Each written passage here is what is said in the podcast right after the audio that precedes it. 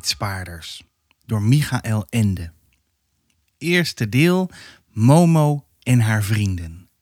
Hoofdstuk 1. Een grote stad en een klein meisje. Lang, lang geleden, toen de mensen nog heel andere talen spraken, waren in de warme landen al grote en prachtige steden. De paleizen van koningen en keizers stonden er in volle glorie. Er waren brede wegen, nauwe straten en bochtige steegjes. Schitterende tempels met gouden en marmeren beelden stonden er. Men vond er kleurrijke markten waar koopwaar uit alle windstreken werd aangeboden en grote, mooie pleinen waar de mensen samenkwamen om nieuwtjes te bespreken en om redenvoeringen te houden of aan te horen. En niet te vergeten de grote theaters. Ze leken op een hedendaags circus, alleen waren ze helemaal uit steenblokken opgebouwd. De rijen zitplaatsen voor de toeschouwers lagen als een trap boven elkaar in een geweldige trechter. Van boven gezien waren veel van deze bouwwerken rond. Andere waren meer ovaal en weer andere vormden een wijde halve cirkel. Men noemde ze amfitheaters. Je had er die zo groot waren als een voetbalstadion en kleinere, waarin maar een paar honderd toeschouwers konden. Sommige waren prachtig uitgedost met pilaren en beelden, andere waren eenvoudig en zonder versiering. Daken hadden deze amfitheaters niet, alles speelde zich af in de open lucht. Daarom werd er in de rijk versierde theaters goud doorweven kleden boven de zitplaatsen gespannen om het publiek tegen de hitte van de zon en tegen plotselinge regenbuien te beschermen. In de eenvoudige theaters werden matten van riet en stro voor hetzelfde doel gebruikt. In één woord, de theaters zagen eruit naar gelang de mensen konden betalen. Maar ze moesten en zouden er allemaal één hebben, want ze waren dol op toekijken en luisteren. Wat er zich op het toneel afspeelde was zo aangrijpend of lachwekkend dat ze het gevoel kregen alsof dat toneelspel op een geheimzinnige manier echter was dan hun eigen alledaagse leven. En ze hielden ervan naar deze andere werkelijkheid te luisteren. Duizenden jaren zijn sindsdien voorbij gegaan. De grote steden van toen zijn vervallen. De tempels en paleizen zijn ingestort. Wind en regen, koude en warmte hebben de stenen afgeslepen en uitgehold. En ook van de grote theaters staan alleen nog ruïnes overeind. In de gescheurde muren zingen nu de krekels hun eentonige lied. Dat klinkt alsof de aarde in haar slaap ademhaalt. Maar enkele van deze oude grote steden zijn grote steden gebleven tot op de dag van vandaag. Natuurlijk is het stadsleven veranderd. De mensen rijden in auto's en trams, hebben telefoon en elektrisch licht. Maar hier en daar tussen de nieuwe gebouwen staan nog een paar pilaren. Een poort, een stuk muur en soms een amfitheater uit die lang vervlogen dagen. In zo'n stad nu gebeurde het verhaal van Momo. Even buiten, aan de zuidelijke rand van deze grote stad, daar waar de eerste akkers beginnen en de huizen en hutten steeds armoediger worden, ligt verborgen in een klein pijnbomenbos de ruïne van een amfitheatertje. Het was ook vroeger niet een van de mooiste. Het was toen al, om zo te zeggen, een theater voor arme mensen. In onze dagen, dus op het moment dat het verhaal van Momo begint, was de ruïne bijna helemaal vergeten. Alleen een paar professoren in de oudheidkunde wisten van haar bestaan af. Maar zij keken er niet meer naar om, omdat er niets meer te ontdekken viel. Als bezienswaardigheid was ze niet te vergelijken met de anderen die in de grote stad lagen. Zo nu en dan raakten er per ongeluk een paar toeristen verdwaald, klommen over de met gras begroeide zitplaatsen rond, maakten lawaai, knipten een foto als herinnering en vertrokken weer. Dan keerde de stilte terug in de ronde, stenen ruimte en de krekels zetten het volgende couplet van hun eindeloos lied in. Dat zich overigens in niets van het vorige onderscheidde. Eigenlijk kenden alleen de mensen uit de naaste omgeving het vreemde ronde bouwwerk. Ze lieten er hun geiten grazen, de kinderen gebruikten het ronde plein in het midden om te ballen en soms ontmoetten de verliefde paardjes elkaar daar s'avonds. Maar op een dag deed het verhaal de ronde dat sinds kort iemand in de ruïne woonde. Men zei dat het een kind was, vermoedelijk een klein meisje. Zo precies kon men het niet zeggen, omdat het kind een beetje merkwaardig gekleed was. Het heette Momo of iets dergelijks. Momo zag er inderdaad een beetje eigenaardig uit. En dat kon mensen die grote waarde aan orde en netheid hechten, misschien wat afschrikken. Ze was klein en tamelijk mager, zodat men met de beste wil van de wereld niet kon zien of ze pas acht of twaalf jaar oud was. Ze had een wilde pikzwarte krullenkop die eruit zag of hij nog nooit met een kam of een schaar in aanraking was gekomen. Ze had heel mooie, grote ogen die ook pikzwart waren, net als haar voeten, want ze liep bijna altijd blootsvoets. Alleen in de winter droeg ze soms schoenen. Maar het waren twee verschillende, die niet bij elkaar pasten en haar bovendien veel te groot waren. Dat kwam omdat Momo nu eenmaal niets anders bezat dan wat ze ergens vond of toegestopt kreeg. Haar rok was gemaakt van allerlei aan elkaar genaaide kleurige lappen en reikte tot haar enkels. Daaroverheen droeg ze een oude en veel te grote herenjas, waarvan de mouwen bij de polsen omgeslagen waren. Afknippen wilde Momo ze niet, omdat ze er uit voorzorg aan dacht dat ze nog zou groeien. En wie wist of ze ooit nog weer zo'n mooie, handige jas met zoveel zakken zou vinden. Onder het met gras begroeide toneel van de theaterruïne lagen een paar half ingestorte kamertjes waar men via een gat in de buitenmuur in kon komen. Hier had Momo zich huiselijk ingericht. Op een middag kwamen een paar mannen en vrouwen uit de buurt naar haar toe en probeerden haar uit te horen. Momo stond tegenover hen en keek hen angstig aan, omdat ze bang was dat de mensen haar zouden wegjagen. Maar ze merkte al gauw dat het vriendelijke mensen waren. Ze waren zelf arm en ze kenden het leven. Zo, zei een van de mannen, je hebt het hier wel naar je zin, geloof ik. Ja, antwoordde Momo. En je wilt hier blijven? Ja, graag. Maar word je dan nergens verwacht? Nee, ik bedoel, moet je dan niet meer terug naar huis? Ik ben hier toch thuis, verzekerde Momo vlug. Waar kom je dan vandaan, kind? Momo maakte met haar hand een vage beweging die ergens ver weg betekende. Wie zijn dan je ouders? vroeg de man verder. Het kind keek hem en de andere mensen radeloos aan en haalde haar schouders even op. De mensen keken elkaar aan en zuchtten. Je hoeft niet bang te zijn, ging de man verder. We zullen je niet wegjagen, we willen je helpen. Momo knikte zwijgend, maar nog niet helemaal overtuigd. Je zegt dat je Momo heet, is het niet? Ja, dat is een leuke naam, maar ik heb hem nog nooit eerder gehoord. Wie heeft jou die naam gegeven? Ik, zei Momo. Je hebt jezelf zo genoemd? Ja. Wanneer ben je dan geboren? Momo dacht na en tenslotte zei ze: Zover ik me herinneren kan, was ik er altijd al. Heb je dan geen tante, geen oom, geen grootmoeder? Helemaal geen familie waar je heen kunt? Momo bleef de man aankijken en zweeg een poosje. Toen mompelde ze: Ik ben hier thuis. Nou ja, meende de man, maar je bent toch een kind? Hoe oud ben je eigenlijk? Honderd, zei Momo aarzelend. De mensen lachten omdat ze dachten dat het een grap was. Nou, zonder gekheid, hoe oud ben je? 102, antwoordde Momo, nog wat twijfelender. Het duurde een poosje voor de mensen begrepen dat het kind maar een paar telwoorden kende die het ergens opgevangen had, maar waarbij ze zich niets kon voorstellen omdat niemand haar tellen geleerd had. Luister, zei de man, nadat hij met de anderen overlegd had. Vind je het goed als wij de politie zeggen dat je hier bent? Dan kom je in een tehuis waar je eten krijgt en een bed hebt en waar je rekenen en lezen en schrijven en nog veel meer kunt leren. Nou, wat denk je ervan? Momo keek hem geschrokken aan. Nee, mompelde ze, daar wil ik niet heen. Daar ben ik al eens geweest. Daar waren ook andere kinderen. Er zaten tralies voor de ramen. Iedere dag kregen we slaag. Zomaar, zonder reden. Toen ben ik s'nachts over de muur geklommen en weggelopen. Daar wil ik niet meer heen. Dat kan ik begrijpen, zei een oude man en hij knikte. En de andere mensen konden het zich ook voorstellen en knikten ook. Goed dan, zei een vrouw. Maar je bent toch nog klein. Iemand moet toch voor jou zorgen? Ik, antwoordde Momo opgelucht. Kun je dat dan? vroeg de vrouw. Momo zweeg eventjes en zei toen zacht: Ik heb niet veel nodig. Weer keken de mensen elkaar aan, zuchtten en knikten. Weet je, Momo, begon de man weer, die het eerst gesproken had. Wij vinden dat je misschien bij een van ons kunt komen wonen. Wij hebben zelf wel niet veel plaats en de meeste van ons hebben al een heleboel kinderen die allemaal te eten moeten hebben, maar heus, één meer of minder maakt dan ook niets meer uit. Nou, wat vind je ervan?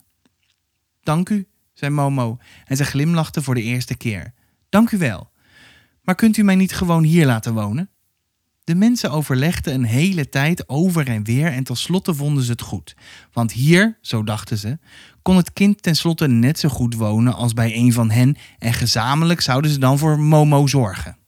Want hier, zo dachten ze, kon het kind tenslotte net zo goed wonen als bij een van hen en gezamenlijk zouden ze dan voor Momo zorgen.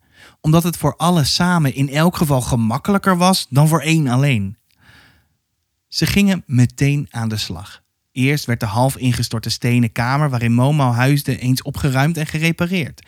Zo goed en zo kwaad als het ging. Een van hen, die metselaar was, bouwde zelfs een stenen fornuisje. Een roestige kachelpijp werd ook opgescharreld. Een oude meubelmaker spijkerde van een paar sinaasappelkistjes een tafeltje en twee stoelen in elkaar. En tenslotte brachten de vrouwen nog een afgedankt en met krullen versierd ijzeren bed. Een matras die maar een klein beetje gescheurd was en twee dekens. Het stenen hol onder het toneel van de ruïne was omgetoverd tot een gezellig klein kamertje. De metselaar, die een artistieke aanleg had, schilderde tot slot nog een vrolijk schilderij met bloemen op de muur. Zelfs de lijst en de spijker waaraan het schilderij hing, schilderde hij erbij. En toen kwamen de kinderen van de mensen en brachten wat men aan eten missen kon. De een een stukje kaas de ander een klein wittebrood, de derde wat fruit enzovoort. En omdat er heel veel kinderen waren, werd er deze avond zo massa eten bijeengebracht dat ze samen in het amfitheater een echt feestje konden vieren ter ere van Momo's komst. Het was zo'n vrolijk feest als alleen arme mensen kunnen vieren. Zo begon de vriendschap tussen de kleine Momo en de mensen uit de buurt. Hoofdstuk 2 een ongewone eigenschap en een heel gewone ruzie. Van nu af aan ging het goed met de kleine Momo. Dat vond ze zelf tenminste. Ze had nu altijd wel iets te eten. De ene keer meer, de andere keer minder. Net hoe het uitkwam en wat de mensen missen konden. Ze had een dak boven haar hoofd, ze had een bed en ze kon wanneer het koud werd een vuurtje stoken. En wat het belangrijkste was, ze had veel goede vrienden. Nu zou je kunnen denken dat Momo gewoonweg geboft had dat ze zulke aardige mensen had leren kennen. En Momo zelf was daar vast van overtuigd. Maar ook de mensen werd het al gauw duidelijk dat zij niet minder geluk gehad hadden. Ze hadden Momo nodig. En ze verbaasden zich erover dat ze zich vroeger zonder Momo gered hadden. En hoe langer het kleine meisje bij hen was, hoe minder ze haar missen konden. Ze werd zo onmisbaar dat de mensen alleen nog maar bang waren dat Momo op een dag weer zou opstappen. Zo kwam het dat Momo erg veel bezoek kreeg. Je zag bijna altijd wel iemand bij haar zitten die iets met haar te bespreken had. En wie haar nodig had en niet kon komen, stuurde iemand om haar te halen. En wie nog niet door had dat hij naar haar toe moest, kreeg te horen: Ga toch naar Momo. Deze zin werd langzamerhand een vaststaande uitdrukking onder de mensen uit de buurt. Zoals je zegt het beste of eet smakelijk of wie zal het weten. Zo zei men ook bij alle mogelijke gelegenheden: ga toch naar Momo. Maar waarom? Was Momo misschien zo ongelooflijk knap dat ze iedereen een goede raad kon geven? Vond ze altijd de juiste woorden wanneer iemand getroost moest worden? Kon ze wijs en rechtvaardig oordelen? Nee, dat alles kon Momo net zo min als ieder ander kind. Kon Momo dan misschien iets dat de mensen opvrolijkte? Kon ze bijvoorbeeld erg mooi zingen of kon ze een of ander instrument bespelen of kon ze, omdat ze toch in een soort circus woonde, misschien dansen of acrobatische toeren doen? Nee, dat was het ook niet. Kon ze misschien toveren? Kenden ze de een of andere geheimzinnige spreuk waarmee je alle zorgen en ellende kon wegjagen? Kon ze je hand lezen of op een andere manier de toekomst voorspellen? Niets van dat alles. Wat de kleine Momo beter kon dan wie ook, dat was luisteren. Dat is toch niets bijzonders, zul je nu misschien zeggen. Luisteren kan toch iedereen? Maar dat is heus een vergissing. Echt luisteren kunnen maar heel weinig mensen. En zoals Momo kon luisteren, was ze volkomen uniek. Momo kon zo luisteren dat domme mensen ineens heel slimme ideeën kregen. En denk maar niet dat Momo iets zei of vroeg wat de ander op dat idee bracht. Nee, ze zat alleen maar toe te luisteren met al haar aandacht en belangstelling. Daarbij keek ze de ander met haar grote donkere ogen aan en degene die sprak voelde hoe hem opeens gedachten te binnen schoten waarvan hij nooit had durven dromen dat hij ze in zich had. Ze kon zo luisteren dat wanhopige en besluiteloze mensen opeens precies wisten wat ze wilden. Of dat verlegen mensen plotseling vrijheid durfden praten. Of dat ongelukkige en bedroefde mensen vertrouwen kregen en blij werden. En wanneer iemand het gevoel had dat zijn leven volkomen mislukt en zinloos was en hij zelf maar een van de velen, iemand waar het helemaal niet op aankomt en die net zo vervangen kan worden als een gebroken pot. En hij ging dat allemaal aan de kleine Momo vertellen, dan werd hem, terwijl hij nog sprak, op een geheimzinnige manier duidelijk dat hij het helemaal mis had. Dat men hem precies zoals hij was onder alle mensen maar één enkele keer tegenkwam. En dat hij daarom op zijn bijzondere manier belangrijk was voor de wereld. Zo kon Momo luisteren. Op een dag kwamen twee mannen haar in het amfitheater opzoeken. Ze hadden de hoogste ruzie en wilden niet meer met elkaar praten, hoewel ze buren waren. De andere mensen hadden hen de raad gegeven naar Momo te gaan, want het ging toch niet dat buren als vijanden leefden. De beide mannen wilden eerst niet en hadden uiteindelijk tegen hun zin toegestemd. Nu zaten ze dan in het amfitheater, zwijgend en vijandig, ieder aan één kant van de stenen tribune en keken somber voor zich uit. De ene was de metselaar, van hem was het fornuis en het mooie bloemenschilderij in Momo's huiskamer afkomstig. Hij heette Nicola en was een sterke kerel met een zwarte puntsnor. De andere heette Nino. Hij was mager en zag er altijd een beetje moe uit. Nino beheerde een cafeetje aan de rand van de stad. Er zaten meestal maar een paar oude mannetjes die de hele avond over een glas wijn deden en herinneringen ophaalden. Ook Nino en zijn vrouw behoorden tot Momo's vrienden en hadden haar vaak iets lekkers te eten gebracht. Toen Momo zag dat de twee kwaad op elkaar waren, wist ze niet naar wie ze het eerst toe moest gaan. Om geen van beiden te kwetsen, ging ze uiteindelijk op de rand van het stenen podium zitten. Precies tussen hen in en keek de mannen beurtelings aan. Ze wachten maar af wat er gebeuren zou. Heel wat dingen hebben hun tijd nodig en tijd was het enige dat Momo in overvloed had. Nadat de mannen lange tijd zo gezeten hadden, stond Nicola plotseling op en zei: Ik ga. Ik heb mijn goede wil getoond door toch nog te komen, maar nu zie je zelf, Momo, hoe verstokt hij is. Waarom zou ik nog langer wachten? En hij maakte inderdaad aanstalten om te vertrekken. Ja, maak dat je wegkomt, riep Nino hem na. Je had niet eens hoeven komen. Ik sluit toch geen vrede met een misdadiger. Nicola draaide zich met een ruk om. Zijn gezicht was vuurrood van woede. Wie is hier de misdadiger? vroeg hij dreigend en kwam weer terug. Zeg dat nog eens als je durft. Zo vaak je maar wilt, schreeuwde Nino. Je denkt wel dat niemand de waarheid recht in je gezicht durft te zeggen omdat je sterk bent en een grote mond hebt. Maar ik, ik zeg het jou en ieder die het horen wil. Ja, kom maar op als je durft en vermoord me maar, zoals al een keer van plan was. Had ik het maar gedaan, brulde Nicola en hij balde zijn vuist. Maar nu zie je zelf, Momo, hoe hij liegt of het gedrukt staat. Ik heb hem alleen maar in zijn kraag gegrepen en in de afvoergoot achter zijn hol gesmeten. Daar kun je nog niet eens een rat in verzuipen. Hij draaide zich weer naar Nino om en schreeuwde: Jammer genoeg leef je ook nog, dat zien we toch? Een hele tijd vlogen de grofste beledigingen over en weer en Momo kon er geen wijs uit worden waarover het nu eigenlijk ging en waarom die twee zo boos op elkaar waren. Maar langzamerhand bleek dat Nicola deze schandaad begaan had. Omdat Nino hem tevoren in het bijzijn van een paar gasten een oorvijg had verkocht. Maar daarvoor had Nicola bijna geprobeerd het hele servies van Nino aan stukken te smijten. Is helemaal niet waar, verdedigde Nicola zich verbitterd. Eén kruik heb ik tegen de muur gegooid en die had al een barst. Maar het was mijn kruik, versta je, wierp Nino tegen. En je hebt niet het minste recht om zoiets te doen. Nicola was beslist van mening terecht gehandeld te hebben, omdat Nino hem in zijn eer als metselaar beledigd had.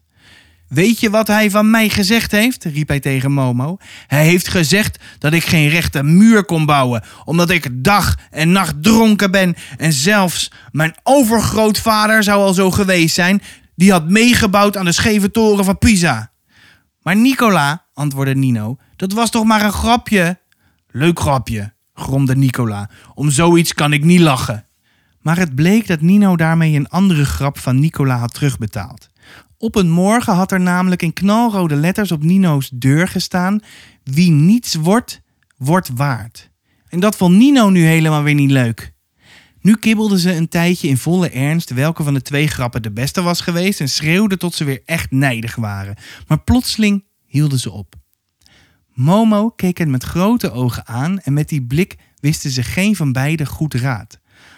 Lachte ze hen in haar hart uit? Of was ze verdrietig? Aan haar gezicht kon je het niet zien, maar de mannen hadden ineens het gevoel alsof ze zichzelf in een spiegel zagen en ze begonnen zich te schamen. Goed, zei Nicola. Ik had dat misschien niet op je deur moeten schrijven, Nino. Ik zou het ook niet gedaan hebben als je niet geweigerd had mij ook maar één glas wijn te schenken. Dat was tegen de wet, weet je dat wel? Want ik heb altijd betaald en je had geen reden om mij zo te behandelen. Nou en of, was Nino's antwoord. Herinner jij je het voorval met de heilige Antonius dan niet meer? Ja, daar sta je nou. Je hebt me toen namelijk behoorlijk beduveld en dat hoef ik niet te nemen. Ik jou? riep Nicola en hij sloeg met zijn vuist tegen zijn voorhoofd. Het is juist andersom. Jij wilde mij beetnemen. Het is je alleen niet gelukt. De zaak zat zo. In Nino's cafeetje had een plaat aan de muur gehangen die de heilige Antonius voorstelde. Het was een kleurenplaat die Nino eens uit een tijdschrift had geknipt en ingelijst. Op een dag wilde Nicola deze plaat van Nino kopen. Naar hij zei. Omdat hij hem zo mooi vond. En Nino had Nicola door handig loven en bieden tenslotte zover gekregen dat hij voor de plaat zijn radiotoestel wilde geven. Nino lachte in zijn vuistje. Want natuurlijk kwam Nicola er bekaaid af. De zaak werd beklonken. Maar nu bleek dat tussen de plaat en de kartonnen achterkant een bankbiljet zat waar Nino niets van af wist. Nu was hij plotseling de bedrogene en dat ergerde hem. Hij eiste onmiddellijk het geld van Nicola terug, omdat het niet tot de ruil behoord had. Dat weigerde Nicola en daarop wilde Nino hem niet meer schenken. Zo was de ruzie begonnen. Toen de beide mannen zo tot het einde van de ruzie terug waren gegaan, zwegen ze een poosje. Toen vroeg Nino: Vertel me nu eens eerlijk, Nicola, wist je voor de ruil al van het geld eh, af of niet? Nogal wie dus, anders had ik de ruil toch niet gedaan? Dan moet je toch toegeven dat je mij bedrogen hebt? Hoezo? Wist je dan werkelijk niets van het geld af? Nee, op mijn herenwoord. Nou, dan wilde je mij toch bij de neuzen nemen? Hoe kon je anders in ruil voor dat stuk oud krantenpapier mijn radio afpikken, hè? En hoe wist jij van het geld af? Twee avonden daarvoor zag ik hoe een gast het erin stopte als offer aan de heilige Antonius. Nino beet zich op de lippen. Was het veel? Niet meer en niet minder dan mijn radio waard was zei Nicola. Daar gaat onze hele ruzie eigenlijk alleen maar om de heilige Antonius die ik uit de krant had geknipt, zei Nino pijnzend. Nicola krabde zich achter de oren. Eigenlijk wel. Je hebt gelijk, bromde hij. Je kunt hem met alle liefde terugkrijgen, Nino. Nee, antwoordde Nino waardig. Geruild is geruild. We hebben onze hand erop gegeven. En plotseling begonnen ze allebei tegelijk te lachen. Ze klommen de stenen treden af, liepen over het met gras begroeide ronde plein op elkaar af, omarmden elkaar en sloegen elkaar op de rug. Daarna namen ze allebei Momo bij de hand en zeiden: Dankjewel. Toen ze even later vertrokken, zwaaide Momo hen nog lang uit. Ze was blij dat haar vrienden het nu weer goed met elkaar konden vinden. Op een andere keer bracht een jongetje haar zijn kanarie die niet wilde zingen. Die opgave was heel wat moeilijker voor Momo. Ze moest een hele week naar hem luisteren tot hij eindelijk weer begon te trillen en te jubelen. Momo luisterde naar iedereen. De honden en katten, de krekels en kikkers. Ja, zelfs naar de regen en de wind in de bomen. En alles sprak tot haar op zijn eigen wijze. S'avonds, wanneer al haar vrienden naar huis waren, zat Momo vaak nog lang alleen in de grote stenen ronde van het oude theater. Boven haar stond de fonkelende sterrenhemel en ze luisterde alleen maar naar de grote stilte. Dan leek het net alsof ze midden in een grote oorschelp zat die zich in de sterrenwereld te luisteren legde. En het was alsof ze een zachte en toch geweldige muziek hoorde die een heel diepe indruk op haar maakte. In zulke nachten had ze altijd bijzonder mooie dromen. En wie nu nog altijd vindt dat luisteren niets bijzonders is, die moet maar eens proberen of hij het ook zo goed kan. Zo, Momo en de Tijdspaarders. Een echte klassieker is het en we vieren haar 50ste verjaardag. Een nieuw omslag met tekeningen uit het Duitse origineel. En het werd tijd dat er natuurlijk met frisse ogen naar gekeken werd. Al heeft het verhaal het charmante, klassieke gevoel behouden. Heb je nog niet gelezen? Of wil je het gewoon nog een keer lezen? Nou, op naar de biep of de boekhandel. Want je gaat er dus achter komen dat Momo en de tijdspaarders actueler is dan ooit. Ik ga verder lezen. Doei.